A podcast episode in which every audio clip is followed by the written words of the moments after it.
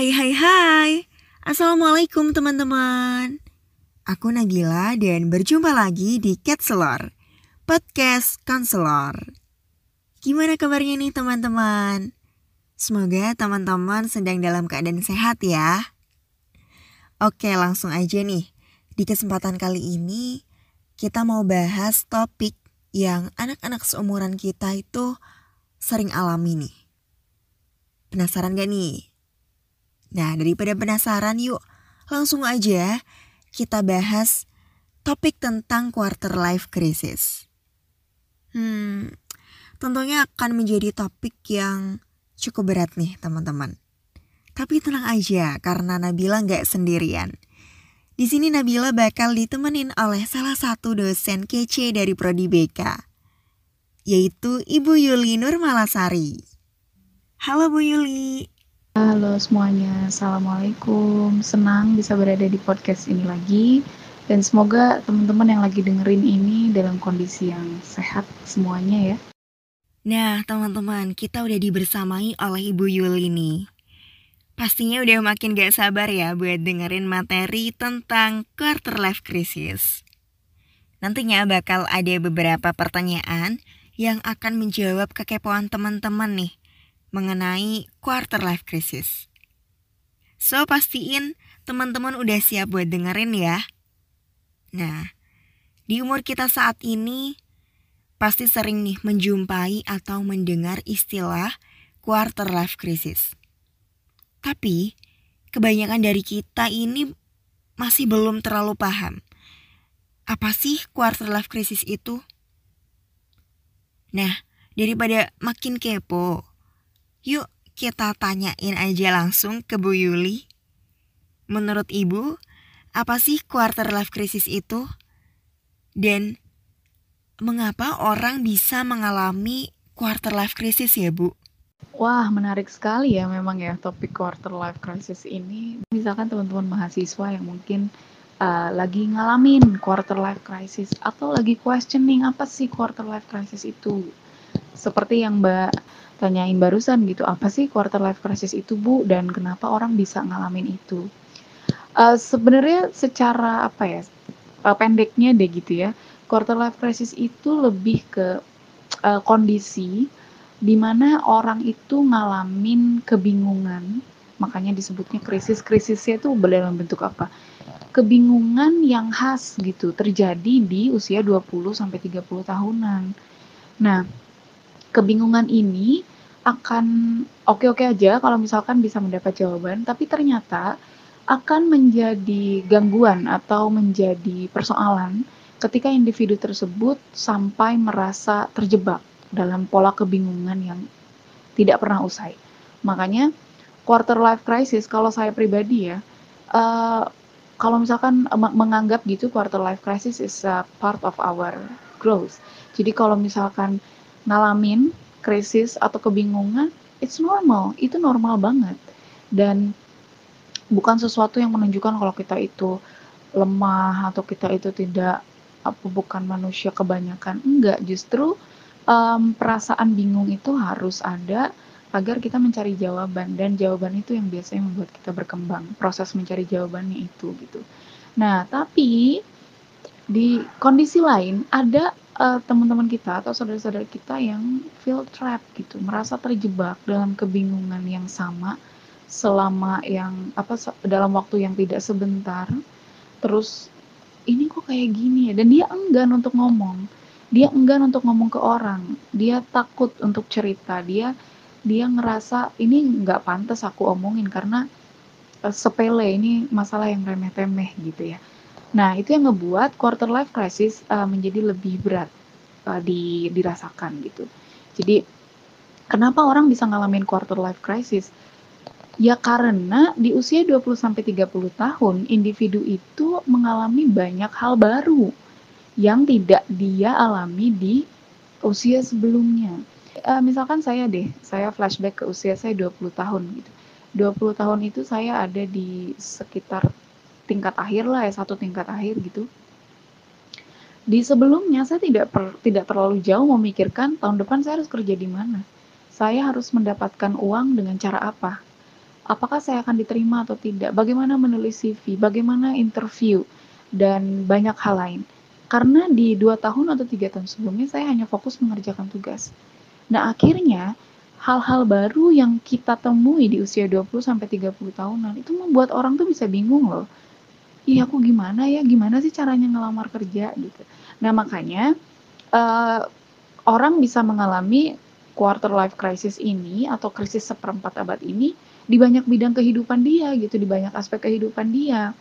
Karena sudah mulai banyak ketidakpastian dalam hidup. Gimana kalau misalkan habis lulus aku pulang ke kampung ditanyain sama tetanggaku, "Eh Yuli kamu kerja di mana sekarang? Eh Yuli udah lulus atau belum?" Nah, ini biasanya tingkat akhir udah mulai males pulang kampung karena ditanyain udah lulus apa belum, sidangnya kapan? misalnya ya. Nah setelah lulus ini nggak berhenti. Ditanya lagi eh nikahnya kapan? Eh, calonnya udah ada apa belum? gitu ya. Dan banyak da, banyak hal yang menjadi baru gitu. Dan kita seperti tidak siap menghadapi itu. Makanya terjadilah krisis di usia ini gitu. Ya jadi it can be about goals. Sebenarnya aku beneran pengen jadi guru BK atau mau jadi dosen ya? Mau jadi PNS atau enggak ya? Misal itu tentang karir.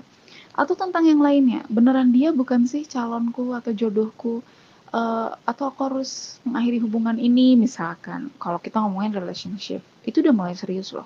Di usia 20 sampai 30 tahun biasanya individu sudah mulai berpikir tentang hmm, aku uh, tepat nggak ya berhubungan dekat dengan laki-laki ini? Atau uh, dia perempuan yang bisa menjadi istri yang baik atau enggak ya? Terus kadang ada dilema juga nih, nikah dulu atau S2 dulu? Atau nikah dulu atau kerja dulu. Ya, ya banyak lah many things yang akhirnya terjadi di banyak aspek kehidupan. Dan itu yang membuat orang di usia 20 sampai 30 tahunan itu menjadi kritis atau um, apa ya ya tadi feeling uh, trap kemudian merasa aku harus ngapain gitu nah itu sih yang yang mungkin uh, sedikit menjelaskan tentang apa itu quarter life crisis dan kenapa itu bisa terjadi. Wah, menarik banget nih ya teman-teman pembahasan kita kali ini. Dan penjelasan dari Bu Yuli juga buat kita jadi tahu nih apa itu quarter life crisis dan kenapa kita bisa mengalaminya. Jadi kalau seperti itu nih Bu, siapa saja sih yang bisa mengalami quarter life crisis dan Apakah hanya terbatas di usia 20-an saja atau bagaimana ya, Bu?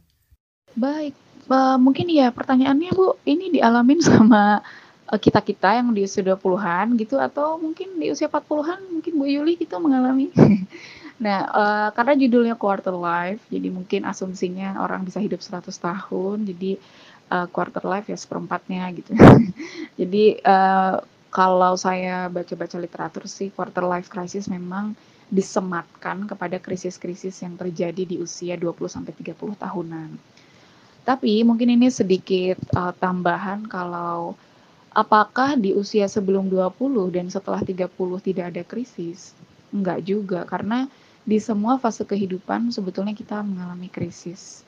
Hanya uh, karakteristik dari krisis atau persoalannya yang berbeda gitu uh, misal ketika anak bayi gitu ya, bayi di usia, uh, 0 sampai 1 tahun ya dia juga krisis, gimana dia, uh, melawan dirinya sendiri untuk menenangkan dirinya sendiri ketika mengalami growth spurt misalkan.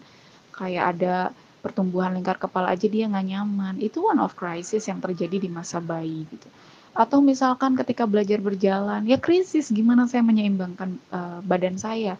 Nah jadi, uh, perspektif kita terhadap krisis memang harus lebih wise karena kita tuh satu kali lari dari krisis di fase tertentu maka krisis itu akan ke bawah gitu di stages uh, selanjut selanjutnya gitu jadi teman-teman yang ngalamin atau mungkin yang khawatir mengalami quarter life crisis ya saya ulangi lagi uh, quarter life crisis itu mungkin terjadi dan sangat bisa terjadi. Tapi bagaimana kita memandang ini itu yang lebih penting sih menurut saya. Uh, it's a part of my uh, growing process gitu. Ini bagian dari saya untuk tumbuh menjadi saya yang lebih baik yang lebih dewasa yang lebih matang so it's okay gitu Ngal ngalamin krisis tuh bukan sebuah kesalahan tapi justru proses alamiah Nah, yang salah adalah ketika krisisnya itu didinai, ditolak, disembunyikan, ditumpuk dan akhirnya menjadi uh, kecemasan yang tidak berujung, akhirnya menjadi persoalan-persoalan psikologis yang lebih serius. Itu sih yang yang lebih harus jadi titik tekan menurut saya ya. Nah, gini Bu, uh, pada saat kita mengalami masa-masa yang telah dijelaskan Ibu Yuli tadi, apa sih langkah yang tepat gitu yang harus kita lakukan saat kita mengalami quarter life crisis? Atau mungkin Bu Yuli punya tips nih yang bisa di-share ke teman-teman cara menghadapi quarter life crisis gitu Bu. Oke, kalau pertanyaannya adalah kalau aku lagi ngalamin gimana Bu?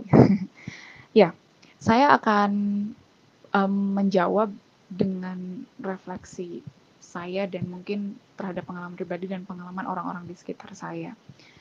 Beruntungnya, teman-teman yang saat ini mendengarkan podcast ini dan masih berusia uh, muda gitu ya, di bawah 30 tahun lah at least, uh, meskipun misal 18 sampai 30 tahun juga uh, teman-teman tuh beruntung. Karena teman-teman hidup menjalani quarter life dalam kondisi sosial yang lebih melek kesehatan mental. Mungkin ketika saya dulu usia seusia teman-teman nggak banyak obrolan di sosial media tentang self love tentang uh, apa gimana kita memvalidasi perasaan misalkan gimana kita uh, apa me, me, mewajarkan gitu tentang cemas tentang stres gitu. Dulu tuh nggak jadi bahasan atau obrolan yang common gitu. Tapi sekarang ini menjadi satu obrolan yang banyak uh, terjadi gitu ya di dunia sosial media yang enggak dia nggak expert aja dia bisa ngomong kalau misalkan dia cemas misalkan dan gimana ngatasin kecemasan. Teman-teman bisa lihat any tips dan any tricks tentang gimana mengelola kecemasan gitu. Itu tuh banyak sekali gitu. Jadi pertama ya saya ingin sampaikan teman-teman beruntung yang kedua uh, kalau misalkan ngalamin jangan pernah sungkan untuk cerita jangan sungkan untuk cerita kalau teman-teman tidak mendapatkan jawaban atas diri teman-teman sendiri. Jadi kalau misalkan kita ngomongin kenapa krisis itu terjadi, karena ada pertanyaan yang aku nggak tahu jawabannya. Lalu aku nanya ke diri sendiri dalam waktu dua minggu, misalkan menikah dulu atau S2 dulu. Udah ada calonnya dan uh, misalkan saya ditawari beasiswa atau saya adalah lulusan terbaik, oh itu dilematis ya. Uh, lalu meskipun dua-duanya itu dua hal yang membahagiakan tapi ketika terjadi at the same time itu akan ngebuat kita bingung kan? Dan mungkin itu akan jadi a part of your quarter life crisis gitu. Jadi akhirnya berpikir kalau nikah dulu aku akan bla bla bla ya mungkin si A akan nulis kalau nikah dulu aku akan bla bla bla dan aku bisa nikah sambil kuliah. Maksudnya kuliah sambil nikah tidak saling menghalangi. Oke okay, solve. Tidak terjadi krisis lagi. Tapi ada orang-orang yang tidak bisa mengurai. Ada orang-orang yang tidak bisa memberikan catatan-catatan uh, terhadap uh, kelebihan atau kekurangan ketika memilih A dan ketika memilih B. Maka kalau teman-teman adalah salah satu orang yang susah untuk bermonolog, maka carilah teman untuk cerita.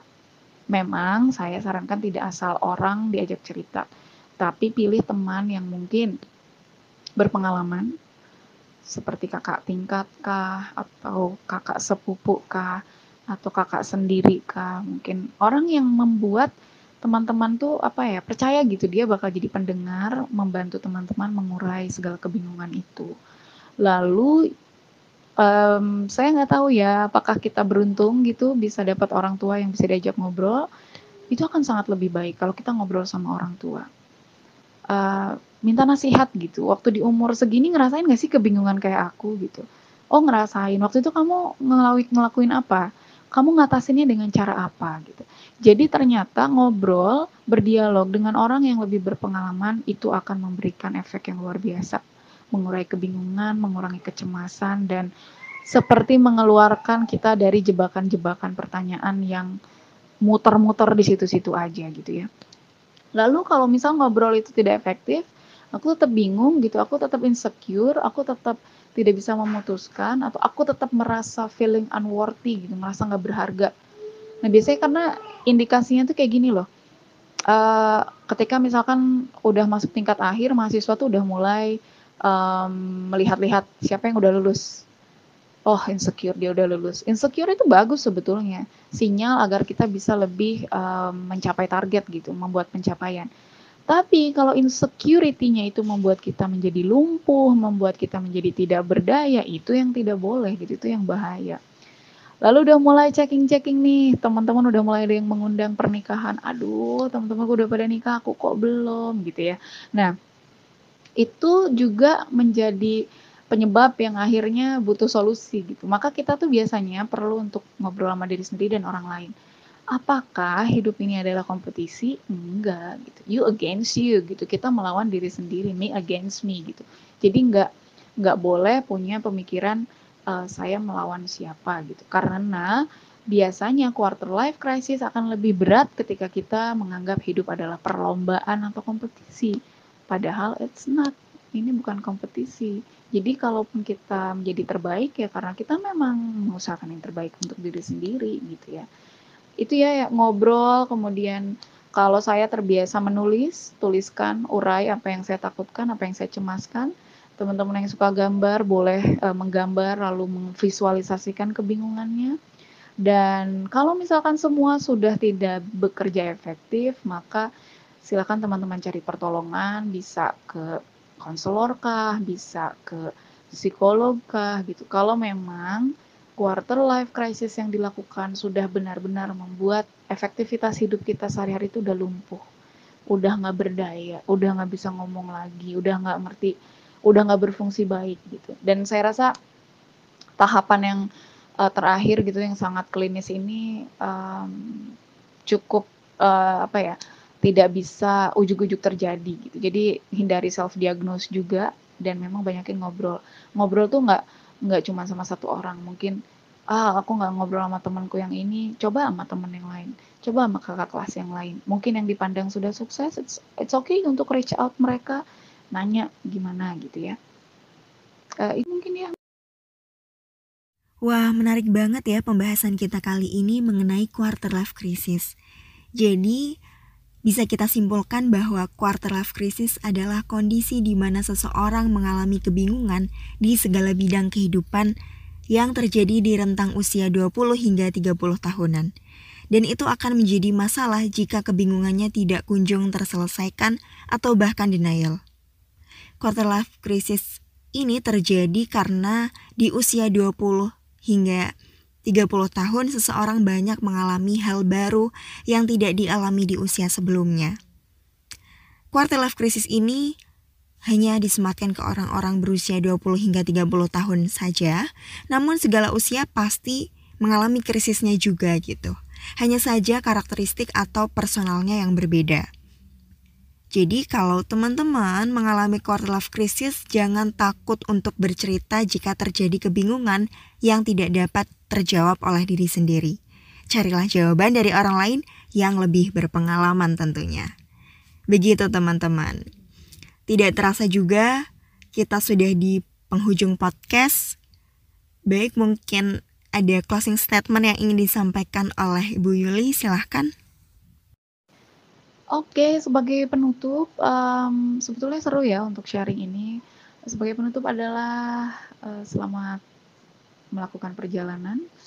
Uh, hidup itu memang harus dijalani ya, hari ini dari hari ke hari. Jadi ketika ada persoalan just focusing on apa yang terjadi hari ini aja dulu. Kadang-kadang be present, menjadi menghargai apa yang kita punya detik ini, menit ini itu akan jauh lebih menyenangkan dibanding kita terlalu memikirkan apa yang akan dan akan terjadi di 10 tahun yang akan datang misalkan. Ya, kadang-kadang kan hidup tuh punya seni untuk bisa membuat kita belajar. Jadi take the crisis is part of your learning journey. Itu aja mungkin closing statement dari saya dan uh, tetap jaga kesehatan. Terus sampai jumpa di lain kesempatan. Assalamualaikum warahmatullahi wabarakatuh. Baik Ibu Yuli, Terima kasih sudah bersedia berbincang bersama kita di sini di podcast Counselor. Semoga apa yang disampaikan Bu Yuli tadi memberikan banyak manfaat untuk kita semua dalam menjalani hidup ke depannya. Amin.